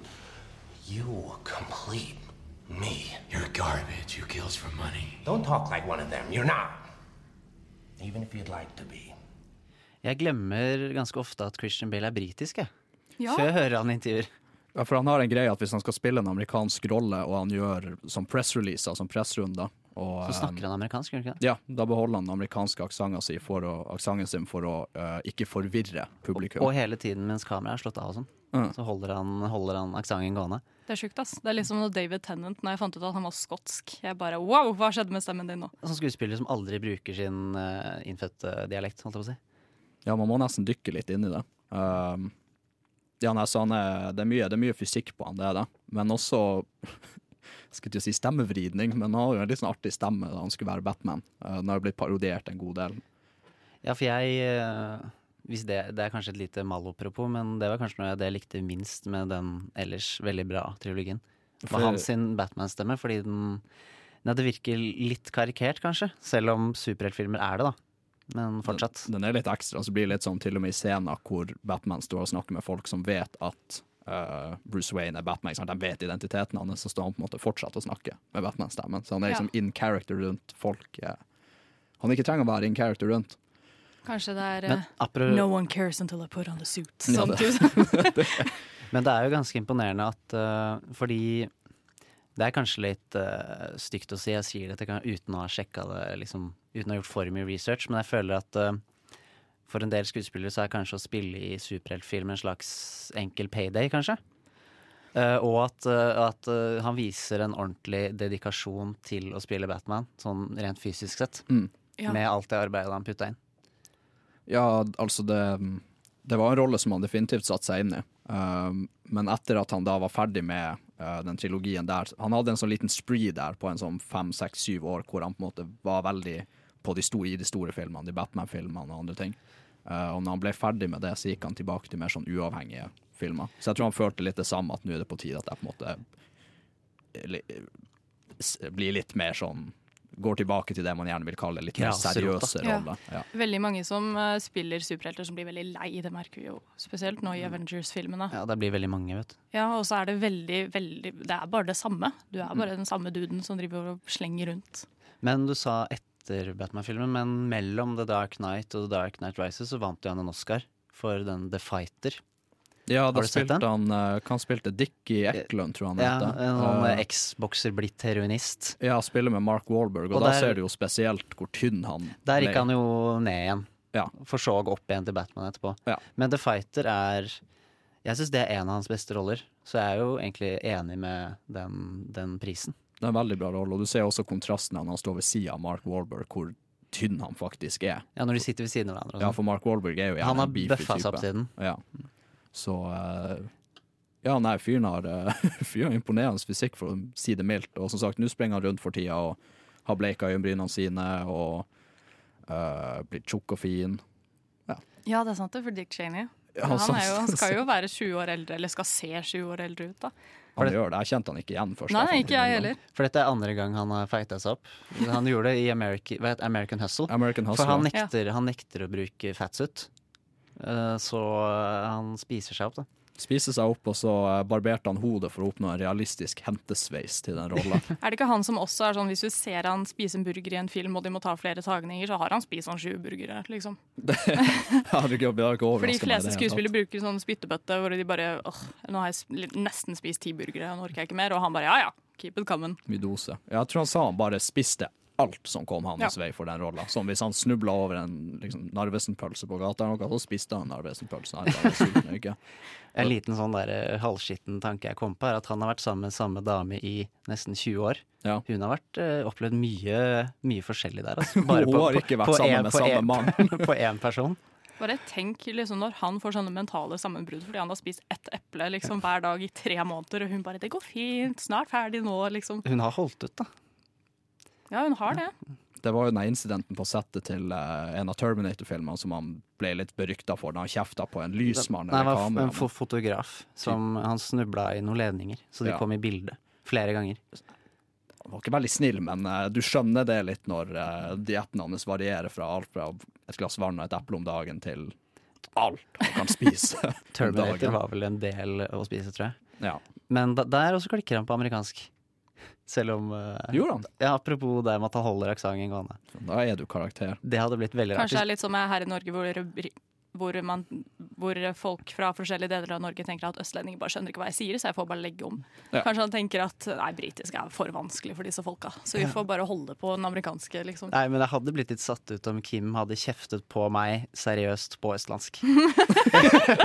hadde jeg også altså skikkelig satt ut. Ja, hva er det som skjer? Jeg, jeg tror ikke engang jeg hadde fått det til, egentlig. Sånn i det hele tatt. Det er ikke metodeskuespiller? Nei, ikke metodeskuespiller på noen som helst måte. Det skal ikke jeg skryte på meg. Nei, men det er i hvert fall Christian Bale. Mm. Og nå føler jeg vi har fått uh, ventilert litt om hva vi syns om han. Ja. Vi er generelt enige om at uh, han er flink. Ja, det er imponerende. Og så, som sagt, vi fokuserte veldig på de fysiske greiene, men jeg syns han gjør gode roller. Jeg syns han er veldig flink. Jeg liker Han, filmene eh, hans. altså jeg føler jo at han går jo inn i en rolle sånn at jeg ikke sitter og tenker Oi, det er Christian Bale. Jeg tenker mer Oi, dette er en kul rolle. For Ja. Jeg føler veldig mange skuespillere faller inn i sånn Å ja, men det er han. Ja, for Vi snakka jo Liksom. om Matt Damon tidligere, og da sa de Ja. liksom Ja, det er Matt Damon som Matt Damon er Matt Damon, og Will Smith er nå Will Smith. Det er liksom De har mistet liksom Jeg vet ikke om det er inspirasjon eller bare ork, men eh, jeg føler i hvert fall at Will Smith bare vandrer rundt og er Will Smith. Det er typecasta som seg sjøl. ja. Jeg er sånn, Du er kul. Vær litt morsom for Suicide Squad nå, og så bare gikk han rundt og var Will Smith. Det man vil tenke er Man vil ikke tenke at det var den skuespilleren før man er ferdig med å se filmen. På en Ja. måte. Mm. Sånn, oi, det var Christian Bale. Og det er jo det som kan gjøre metodeskuespillere sykt kule. For da kjenner du dem jo ikke nødvendigvis igjen. Absolutt. Vi hører 'Set Your Sights' av The Vintage Caravan. Du lytter til Radio Nova.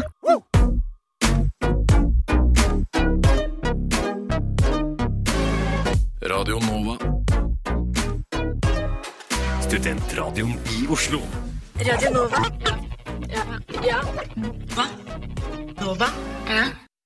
The Vintage Caravan med 'Set Your Sights'. Og nå skal vi rett og slett eh, shame Kim litt. Grann.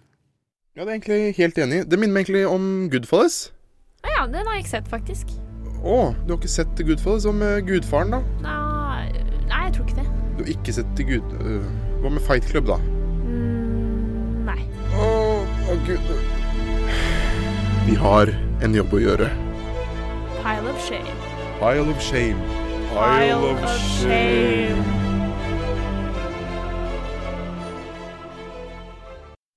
Pile of Shame er jo vår sporadiske spalte hvor eh, når vi føler at et medlem i redaksjonen ikke har sett en film som i hvert fall en annen syns den burde ha sett, og rett og slett eh, konfronterer den eh, personen om det. Og vi pratet om Christian Bale i stad, men vi er ikke helt ferdig med han fordi for noen dager siden så fikk jeg vite at du har ikke sett American Psycho. Til din store forferdelse. Mer overraskelse. Ja. Jeg føler at veldig mange på vår alder av, på et eller annet tidspunkt har sett den. Fordi den, Ja. er, den er på en måte en slags blanding av, i mitt hode, i hvert fall en slags blanding av mainstream og litt kult. Kanskje sånn mainstream minus. Var, den er litt det som Star Wars ble, på en måte. Sånn, det er litt sånn nisje. Sånn, litt sånn Å, det var litt rart. Ja, og men veldig mange liksom, som liker den. også, men jeg har liksom vært prata med folk, enten filminteressert eller ikke, har liksom vært innom den på et eller annet tidspunkt. Jeg føler alle har hørt om den, i hvert fall. Men ja. du, du kunne overraskende lite om den. Jeg kunne ingenting. Og det er jo veldig gøy, fordi spesielt eh, for det vi gjør i denne spalten her, at vi intervjuer den som ikke har sett filmen i forkant, Mm. uten mm. at de får lov til å lese seg på filmen. Mm. Og jeg intervjua deg for to dager siden, og vi kan høre hva du sa da.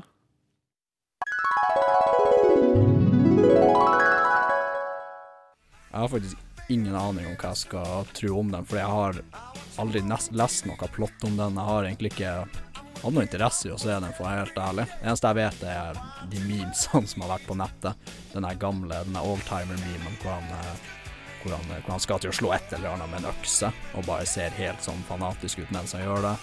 Eh, og en annen hvor han smasher noe, jeg antar en dame, og så ser han på seg sjøl i speilet. Eh, og det er det. Jeg antar at han er psykopat. Ja, og han har veldig bra fysikk også, veldig bra kropp. Rett og slett. Man, man, masse bra mannekropp.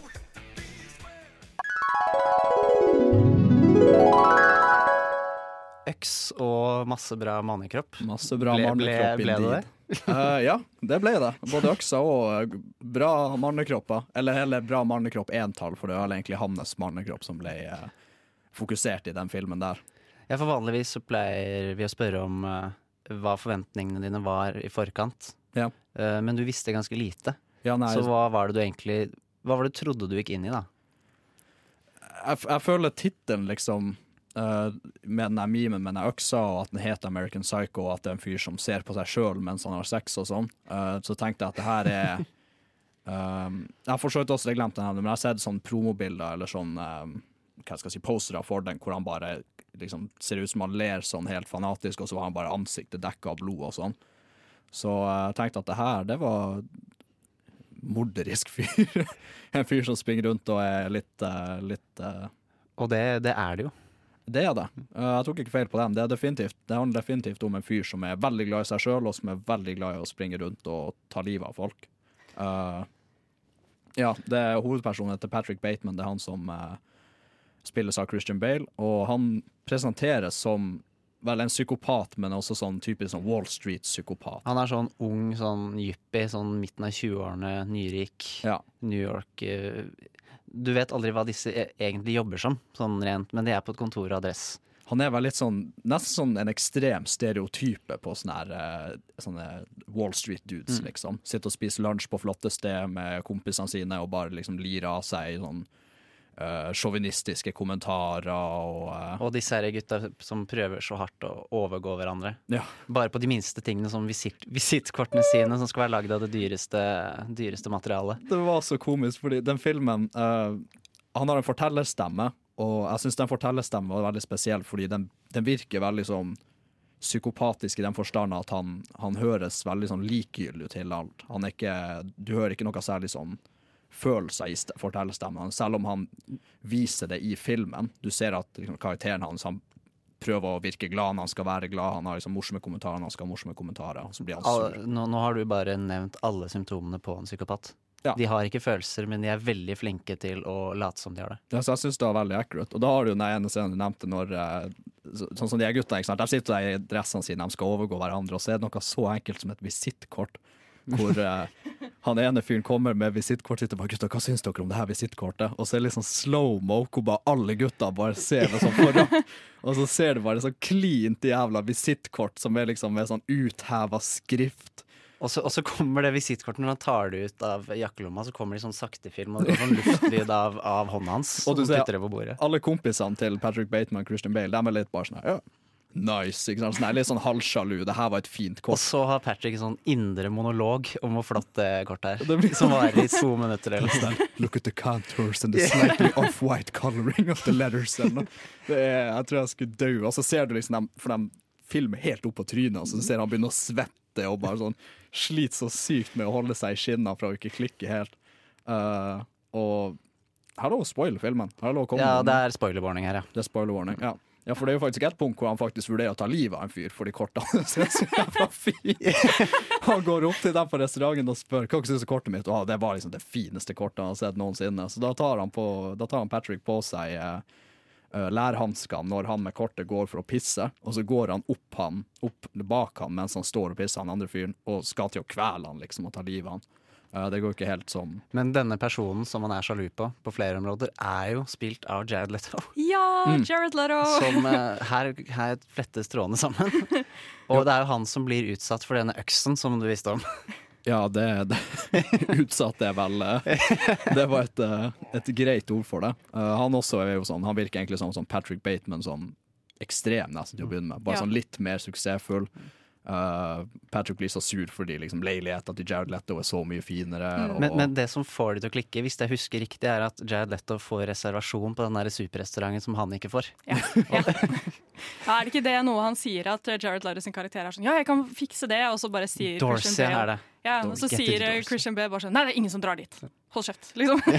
ja, ja, sier 'no one goes there anymore'. Liksom sånn der, Du er så jævlig 2000 and late på den der. Ja. Men det er så, jeg synes at karakteren til Christian Bale er så morsom, for han er liksom Han er jo rent psykopat, men han gliser jo som et helvete. Han storkoser seg, ser det ut som. Liksom. Han har disse monologene spesielt rett før han dreper Jared Leto sin karakter, så har han denne Hva skal man kalle det? Han har monologen om uh, Huey Lewis and the News sitt uh, Ja. album. Alltid musikk. Mm. Han, han setter alltid på musikk før han skal drepe noen, så står han og snakker om liksom bare en kjapp oppsummering av karrieren deres. Han har, han har litt sånn uh, savanthukommelse på sånn populærkultur og sånn. Mm. Også et faretegn noen ganger. Og den Whitney Houston-referanse og um, Phil Collins. Uh, Oasis, er ikke det? Ja, Uh, så tror det, hvis- du er på besøk hos han i leiligheten hans, og han begynner liksom å fortelle om favorittalbumene sine, så er det Løp. kanskje på tide å komme seg ut derfra. uh, Finn på en god unnskyldning. Uh, men ja, så han er Hva skal jeg si? Han viste seg bare å være sånn straight up psykopat. Uh, som Wall Street-dude. Skikkelig som rasshøl, rett og slett. Han sier at han er liksom Han er ikke en egen person, han er liksom en, en idé. Patrick Bateman er ikke en mann, det er liksom en Liksom Det er jo litt som hvordan Jared Leto har The Joker senere. Mm. Sånn I'm an idea. Mm. Den Da er du høy på deg selv, altså. hvis du mener det. Jeg er ikke menneske, jeg er en idé. Da Jeg blir litt sånn uneasy da jeg så den filmen, fordi vi har jo alle liksom Alle sammen har jo sånn her eh, sånn, sånn rasshøl. Vi har alle sammen snubla over rasshøl opp gjennom livet. Ja, ja. Sånne her Wall Street-typer. ikke sant? Sånn her eh, pappa betaler og alt mulig. Jeg, begynner, jeg satt liksom, I hvert fall i begynnelsen av filmen, før man virkelig fikk se hvor sjuk han Patrick er, så satt jeg og tenkte litt sånn Hvor mange av de her rasshølene jeg har møtt i livet mitt, er det som, som er sånn? Som faktisk er sånn straight up psykopater? og jeg vet ikke, jeg ble litt sånn uneasy. Psykopatene er blant oss. Det er det. Men uh, noen av de blir aldri liksom tatt. Eller gjennomskua. Men så er det ikke alle psykopater som ender opp med å bli seriemordere, da, ikke- heldigvis. Alle blir ikke Patrick Baton. Så om noen her får et jævlig fint visittkort en eller annen Mm. gang i livet sitt, så kan vi være ganske sikre på at vi ikke blir drept med øks. Ja, han skal i hvert fall ikke flashe noe. Kanskje det er greit at visittkort er ut. Mm. Ja. Nå slipper vi å slipper Ok, greit. Det er en veldig fin LinkedIn-side. Men hva, hva syns du om filmen, alt i alt? Jeg likte den veldig godt. Uh, jeg syns den var kjempekul. Men uh, sånn, det var liksom en god blanding av at den var morsom, og den virka smart, den virka liksom gjennomført, og, uh, og den type. Men så var slutten litt merkelig. Jeg fikk ikke helt med meg greia der. Jeg vet ikke om jeg bare, det gikk rett over hodet mitt, uh, eller om um, Unnskyld. Om uh, det bare var Det føltes nesten som en sånn slutt sånn at bare OK, vi har en film som er ganske straight forward, han er en psykopat, han springer rundt og dreper folk. Uh, men nå må vi bare legge til en sånn what the fuck-ending. Og da hinta jeg vel til at Patrick Bateman ikke er Patrick Bateman likevel. At det Ja. var en person han, er, sånn, person han hadde liksom Jeg har, En karakter, liksom, Ja. han hadde jeg, skapt seg. jeg har ikke skjønt alt det heller, men jeg har kanskje tenkt at det er hans på en måte, vet, fantasi, på en måte. Ja, det er mulig. Det er mulig. Fordi han tok jo Han gikk jo og lot som han var um, I alle interaksjonene uh, han hadde med karakteren til Jared Leto, Mm. så lot han som han var en annen fyr. Og det var den eneste grunnen til at Jared Leto ville henge med han, fordi han trodde han var en annen. Ja. Og så satt liksom Jared Leto og baksnakka Patrick Bateman til Patrick Bateman, som også var en ganske morsom scene. Da Uh, blir du i hvert fall drept. Ja. Han ble drept. Han ble veldig drept. Han fikk den. Han ble mest drept. Ja, det, jeg vet ikke med den. Det var en jente som fikk motorsag i hodet fra sånn tre etasjer. etasjer. Det er lenge siden jeg har sett den, men Det, det er greit. Vi skal ikke gå inn på de detaljene der. Nei, men det var bra du likte den i hvert fall. da Jeg, også, jeg liker den også veldig godt. Jeg syns det er en veldig bra film å se Uh, Jeg syns det er veldig bra sånn se sammen med venner. Ok Det er en ganske kul eh, sånn sett er Med riktige venner, riktignok, som liker sånt. Ja, være De som har litt humor om det. Ja. For det er litt kleint om liksom, de som sitter og ser det med deg, ikke syns at det er morsomt når han står og har en indre dialog om uh, visittkortene, liksom. Og så var det sånne små ting som at liksom, hver gang noen skulle ta ham på skulder og så var det sånn Don't touch me. Sånn, var det var de små rasshøltendensene, liksom. Men da er det bra at Kim har fått uh, fylt et lite, hva kan man kalle det, hull i Hull i filmografien til Christian Bale. Et øksehull i filmografien til Christian Bale. Bra at vi fikk fjerna den. Mm. Vi hører Don't Be Nice av Finding Neo. Det var Finding Neo med Don't Be Nice. Vi har pratet om eh, metodeskuespill i hele dag. Eller hele sendingen, Mm. ikke hele dag. Og nå har vi gått gjennom hver vår case, vi har pratet litt om eh, hva det er. Og, og denne ekstreme måten å jobbe på har jo følger, det må du ha. Både for individ og produksjon av film. Eh, kanskje med litt sånn hovedfokus på hva det negative følgen er. Hva, hva kan man snakke om da? Da kan man f.eks. snakke om under innspillingen av The Shining, så ble Jack Nicholson og regissøren av filmen så ekstrem at uh, stakkars Shelley Duvall klikka. Hun eh, forsvant jo helt fra mediebildet etter det. Hadde måtte ha psykologisk hjelp i flere år, fordi denne scenen med Here's Johnny reelt frik den ut. Den der, eh, Er det samme scene også den hvor han jager henne opp trappa? Ja. Og han prøver, ja, Ja. jeg har hørt at de skjøt den scenen sånn hundretalls av ganger eller noe. Ja. Um, de har dette med Altså, hun var oppriktig redd for Jack Nichol- Nicholson, så når de ikke spilte inn, så plasserte hun seg så lengst mulig vekk fra han. Fordi han var liksom oppriktig kjempeskummel. Og Stanley Kubrick, regissøren, eh, brøt henne ned òg. Ved ved å kjefte på henne og si at arbeidet hennes sugde og sånn, selv om det Ja. nødvendigvis ikke gjorde det. Mm. Som en måte Og det er en sånn Da er det ikke hun som blir metodisk skuespiller, da er det på en måte regissøren som gjør henne til det. Ja. Og det er på en måte Det er en litt stygg følge, Fordi det er jo ikke, det er ikke greit å gjøre. Nei, så kommer jo også Jack Nicholson mye bedre ut av det, for han kunne jo slå av den rollen når han var ferdig. Men det Mm. kunne jo ikke hun, da, stakkars. Nei, for han er vel ikke en standhaftig method-type, Ja. Nei, det var denne filmen her da, som, hvor han virkelig gikk inn. Fordi han har jo snakket selv om at denne rollen var så utfordrende fordi karakteren var ja, At Johnny bare Når du skal ha et så stort mental break, liksom, Mm. så må du ikke slippe på det, sa han. Det er veldig vanskelig å finne det. Så når han først fant det, så holdt han på det hardt. Riktig. Ja, for jeg tror um, uh, The Shining var basert på en Stephen King-novell, Ja. og han, uh, Stephen King da var vel Jeg tror ikke han likte The Shining. uh, eller han likte ikke den, jeg vet ikke om han fortsatt ikke liker den, men grunnen til det var fordi boka handler visst om Johnny sin gradvise uh, descent Ja, liksom, til å bli gæren. Men Jack Nicholson er jo veldig sånn her, du ser ham fra første scene og du tenker at det her er en gærning. Liksom. Du ser Mm. på hvordan måten han smiler på, ikke sant? Altså Her har vi jo enda en som har spilt The Joker, liksom. Han, Mm. eh, han har spesielt det er noe med ansiktsuttrykket hans som gjør at det kommer veldig sterkt fram at oi, her er det noe som ikke stemmer. Han liksom. ser jo litt uh, skummel ut generelt Ja, da, i han gjør virkelig liv. Han, har han har sånn smil. Sånn ekkelt smil. Ja, så er det øyebrynet hans som bare gjør et eller annet sånn rart med hele uttrykket. da. Ja, så han blir jo casta ganske bra i det han blir casta i. Det er sant. Absolutt. Eh, men vi nevnte også Det har jo fysiske følger også, ofte. Mm. Om, ikke, om ikke at man begynner å misbruke dop, så prøve det i hvert fall. Altså, vi kan gå litt inn på Vi skal nevne det kanskje litt etterpå, men Daniel Lee Lewis, som er en av de fremste metodeskuespillerne som er, Ja. han eh, skulle jo være en eh, Jeg er ganske sikker på at han. Han skulle være en, eh, en som brukte heroin, så han prøvde jo heroin i virkeligheten. Oi. Som var, eh, som var på en måte Det er ikke greit, fordi det er sånn å bli avhengig av veldig, veldig, veldig veldig fort. Da leker Det er, er ikke det én gang, og så Jo, man, man sier det. Ja. Uh, så han måtte bare føle på hvordan det var å bli avhengig av det. Og da er vi tilbake på den Stanislavski gærne måten å gjøre det på. Ja. Sånn, det er helt rart. Og vi nevnte det ikke i stad, vi nevnte bare nekt, vektnedgangen. Det er uh, Jared Leto i Dallas Buyers Club, hans, eh, hans inn, ah, organene hans da han var på sitt tynneste, ble mindre. Fordi kroppen hans ble så liten at de trengte ikke være så Fysisk mindre. Ja, de Nei. trengte ikke være så store lenger.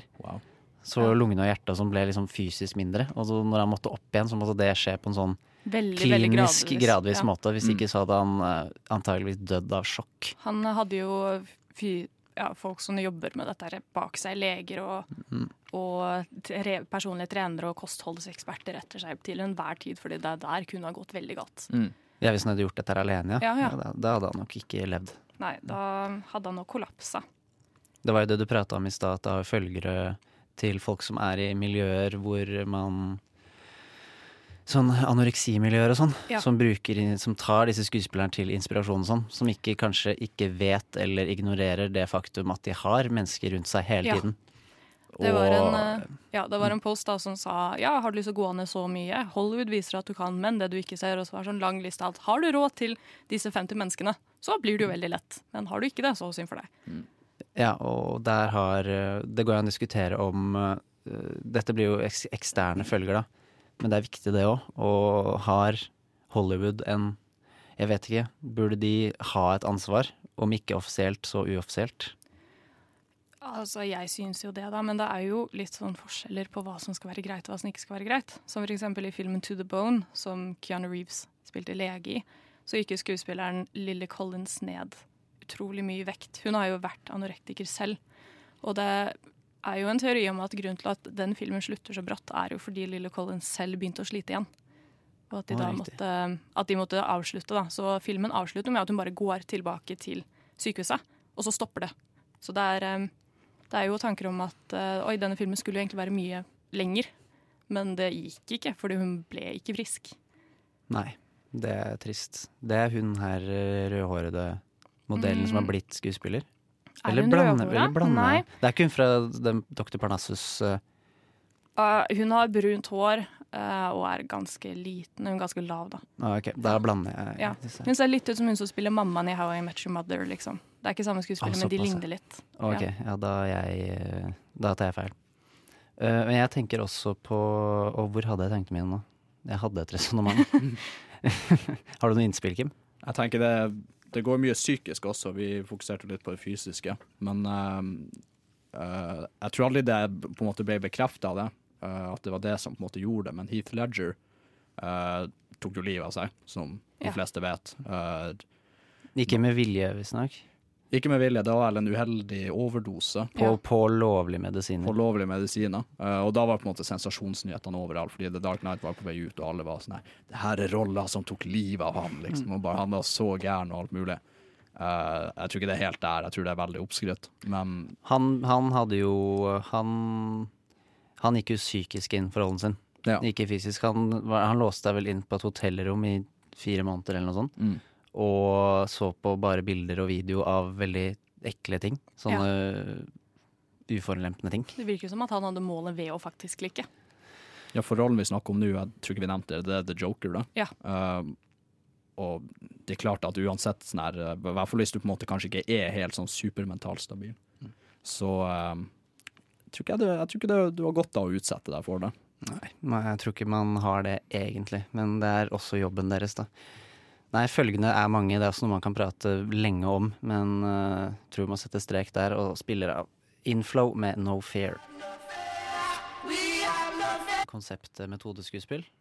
Vi har kommet fram til en del, og litt sånn på tampen av eh, sendingen nå er det, føler vi at det er noe vi har glemt? Sånn, er det noen shoutouts, noen navn som ikke ble nevnt, som burde bli nevnt? Du, jeg har en hel liste her, jeg, som vi kan snakke om. Ja, vi har ikke tid til for mange, Nei. men vi, noen, et utvalg, da. Uh, vi kan starte med Johnny Depp. Johnny kanskje. Depp. Han er jo Han er en fyr som var det, vil jeg si. Ja, Og var det veldig. Uh, vi har jo han fra Charlie Sjokoladefabrikken og spesielt Pirates of the Caribbean. Han uh, Første gang, i hvert fall. Han har holdt på den. uh, Ja. Han har holdt tralten, da, men mm. Men det er de to mest jeg tenker på, da, fordi da gikk han virkelig inn i rollen på en sånn, litt sånn spesiell måte. Um, I eh, Charlie Sjokoladefabrikken så vet jeg at han eh, satt inne alene og gikk ikke ut og snakket med folk for å se hva isolasjon ville gjøre med han. da. For det er det Willy Wonka gjør. Han sitter i fabrikken sin. og Han sitter um, i fabrikken sin og har disse små ompalompaene som driver danser rundt han, men Ja. noe annet enn det, så er det jo ikke Det er egentlig en film Jeg, lik, jeg liker den tolkningen jeg, av Charlie Sjokoladefabrikken. Ja, men jeg gjør det, jeg òg. Og det er jo sagt at uh, det er nok den Roald Dahl hadde likt best også. Det sies så. Mm. Den andre er jo veldig space, den andre er jo lagd på syre. Så er det sånn. Ja, den, uh, den er også litt forsiktig laget, fordi disse ompalompaene ble jo beskrevet i bøkene som sånn små negerdverger, liksom. Det var jo det det sto. Og så fant man ut at det er jo ikke helt greit. Det er ikke helt greit. Jeg Nei, tror ikke det var greit på 70-tallet heller. Nei, så man gjorde jo de oransje for å liksom ikke være for uh, slemme, da. Trumpifiserte dem litt. Grann. Ja. Er det flere på lista? Um, Leonardo DiCaprio Ja. har uh, hatt enkelte roller. Og dere kommer på noe Ja, den, den The Revenant nå, Ja. det er vel definitivt den Der gikk han liksom Det var sånn feltarbeidmetode. For det gikk Ja, han ut ut og skulle være Men det, det gjaldt, jo hele crewet òg, da. Mm. De dro jo ut til helvete og va- vassa rundt i snøen. Ja, jeg vil si at. Det er litt morsomt med den filmen. da Motivasjonen til eh, Leonardo DiCaprio i denne filmen er jo at sønnen hans er drept. Mm. Men i boka så eksisterer ikke denne sønnen. Nei, det var jo en ekte person nå han spiller. Ja. Som levde på Ja, det er kanskje sant, det. Ja, men som da, var en sånn, hva er det det heter, sånn pathfinder, eller hva det heter, tracker, sånn som hjelper folk gjennom Ja. Veiviser. Veivisere. mm. um, Nei, men i virkeligheten så eksisterte ikke denne sønnen så motivasjonen. De, Leonardo DiCaprio hadde litt vanskelighet med at motivasjonen bare var at en annen fyr forlot han, liksom. Men uh, det ble liksom enda sterkere ved at det var en sønn som ble drept, som var involvert, da. Og altså, det er, sønnen er DiCaprios verk. Det er noen som sier det, men man har ikke fått noen bekreftelse på det. Han virker litt som en fyr som får viljen sin. Ja, det. Ja, virkelig. Um, vi kan hoppe videre til Meryl Streep. Jeg vil bare skyte inn helt kjapt før Ja. det. Uh, Leonardo DiCaprio skulle ha rollen som, uh, som Patrick Bateman i American Psycho. Det er sant. sant. først fikk, Skulle han? Jeg har hørt at Christian Bale først fikk den, og så mista han den til fordel for DiCaprio, og så ville ikke DiCaprio ha den likevel, og så fikk Christian Bale den igjen. Bare en liten uh, Ja, En liten smakebit. Mm. Jeg visste ikke at det var så mange lag, men jeg visste at han, han ble spurt. Mm. Men Meryl Streep, som du sa, uh, det er kanskje en som hadde fortjent en, en, eget, uh, en egen En egen sending. en egen sending, eller Hun et eget eh, i hvert fall. er jo metodeskuespiller både på teater og i film og i serier. Hun går skikkelig inn for eh, spesielt Stanislavski, men også en annen metode som heter Brecht. Og det går ut på å gå ut av rollen sin for å direkte snakke med publikum, da. Men det er hun jo mest kjent for å gjøre på teaterscenen. Ja, for på film føler jeg hun eh, går fysisk til verks. Ja. Og som Jared Leto så er hun veldig flink på stemmer. Veldig Spesielt flink. Hvis hun spiller mennesker som har eksistert i virkeligheten. Ja. Sånn som Margaret Thatcher og hun derre denne TV-kokken. Eh, Julia og Julie i den filmen der. Ja, jeg vet hvem du snakker Eh, om. Julia Child, er det ikke den heter? Jo. jo. jo. Og, for jeg visste ikke hvem det var før jeg så den filmen, og så så jeg opptak. Ja. Og det er jo nesten helt likt. Ja, det er sant, da. Og så har vi også en annen kvinne, Tilda Swinton, som de fleste sikkert har sett filmer med, men ikke vet Hun at det er jeg har sett så mange ganger, men aner ikke hvordan hun jobber. Hun er en kameleon. Hun eh, bestiller jo nærmest eh, sminken sin selv. På, hun eh, har jo spilt utrolig mye og bruker veldig mye sånn molds i eh, ansiktet sitt for, å, for at det ikke skal være åpenbart at det er henne. Så hun går jo også veldig fysisk til verks, da.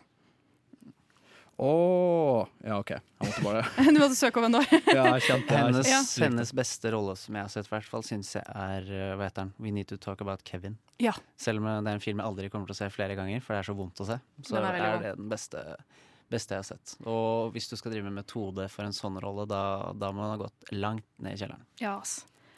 Vi kan hoppe til en annen side av verden. Gå til en sørkoreansk skuespiller som heter Choi Min-shik. Fra Oldboy. For, fra Oldboy. Denne Og he- hevnfilmen eh, Ja. som er fucked up på veldig mange måter. den er fryktelig fucked up. Kim, du har ikke sett den? Jeg har ikke sett den, Nei. men jeg så Det er en ny pile of shame der, føler jeg. Er det? Er så Ja, altså om du For henne og meg, i hvert fall. Ja. Hvis jeg skal begynne å legge til koreanske filmer på Pile of Shame også, den, blir, den begynner å bli stor, den pilen min. Men eh, det her er en av de eneste koreanske filmene som faktisk har fått sånn skikkelig Det er vel det eh, eneste som har truffet eh, vestlige land sånn hardt. Ja. ja. Spesielt før det k-pop. Spesielt da ble det veldig Mm. populært, for nå er det veldig mye sånn smågreier som flyter inn i Vesten Mm. med den bølgen. da. Men uh, det, denne filmen handler jo om en mann som sitter Som er kidnappet og sitter i det samme rommet. I et sånt lite hostell... Nei, motellrom, ser det ut som, i 15 år. Og han jobbet jo eh, med litt av de samme um, isolasjonsgreiene som uh, Leonardo DiCaprio og Johnny Depp har gjort. da. Å kjenne på isolasjonen. Ja, fordi den isolasjonsdelen står jo for bare Den går vel, er vel ferdig i løpet av kanskje tre-fire minutter i filmen. Ja. Men han forberedte seg i månedsvis for å liksom oppleve dette her. Ja, fordi man ser veldig godt at det henger igjen dette her med at han har ikke vært utafor det rommet på 15 år. Før han plutselig blir dopa ned og bare kasta ut. Det virker så surrealistisk for meg å jobbe i månedsvis som er verdt tre-fire minutter på film. Der kan vi gå inn på Jared Leto og hvor sint han er på Suicide Squad. Det skal sies det at det blir jo gjerne gjort. Altså Det er jo sikkert flere arbeidsdager som går til bare de tre-fire minuttene på lerretet. da. ja, men det har så mye å si. Det har så Det har det. sykt mye å si for resten av filmen. Det hjelper liksom ikke bare at en karakter sier at denne personen var isolert. Ja, det ikke hjelper å få denne montasjen Ja. og få det inn på en måte. Skal vi hoppe til en veldig gammel skuespiller, da? Charlie Chaplin. Oi. Han Han var eh, Han gjorde sånn Sånn helt på tampen Han eh, Han var vel den første som gjorde dette her. Ja. Som eh, som gjorde det direkte. prøv, Ja, så prøvde han å skape en, på en måte en, en fjerde vegg. Sånn på en måte at han var inne i universet. Ja. Og ikke, det var veldig Sånn helt starten av Hollywood var veldig teatralsk. Og du ble Mm. ofte pratet til av karakterene. Ja. Man så i kamera og sånne ting. Det gjorde aldri han. Og på hans tid var jo det å bare ikke se i kamera var en metode i seg selv. Ja. Han har jo også spilt Hitler eh, under eh, krigen. En antydning til Hitler. Ja, en antydning til Hitler. Vi sier bare Hitler. Nei, men han eh, Det sies jo at det- måten han jobbet med det på, var at han så alle talene til Hitler. Han var jo ikke så Jeg tror ikke han kunne tysk. Kunne han? Nei, jeg tror ikke. Nei, jeg tror ikke han kunne tysk. Men han så mer på hvordan Hitler bevegde seg, og hvordan han brukte kroppen. Da. Og så sto han og øvde hjemme hos seg selv da, på å være denne karikaturen da, av Hitler. Så det er jo ja, Det veldig kult. Det er veldig imponerende. Uh, jeg merker at tiden flyr, og dette er et metodeskuespill er et tema som ikke kan dekkes på halvannen time. Men uh, too bad. Men uh, også not bad, som denne sangen heter, av The Lulls.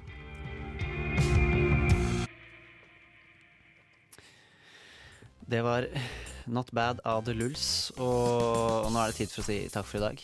Av, i, av oss i Nova Noir. Vi har pratet om metodeskuespill, uh, og med det har vi valgt våre skuespillere Chad Letto, Robert De Niro og Christian Bale som våre hva kan vi si, sendingens frontfigurer. Det har vært veldig hyggelig å prate med dere om det. Hanna Holm Aune. Takk. Kim Hilton. Takk, takk. Jeg heter Ludvig Viltil. Ulrikke Svenne hjalp oss gjennom sendingen i dag. Så er det vel ikke Hvis ingen har noe mer på hjertet, vil jeg bare si ha det. Ha det bra. Ha det bra.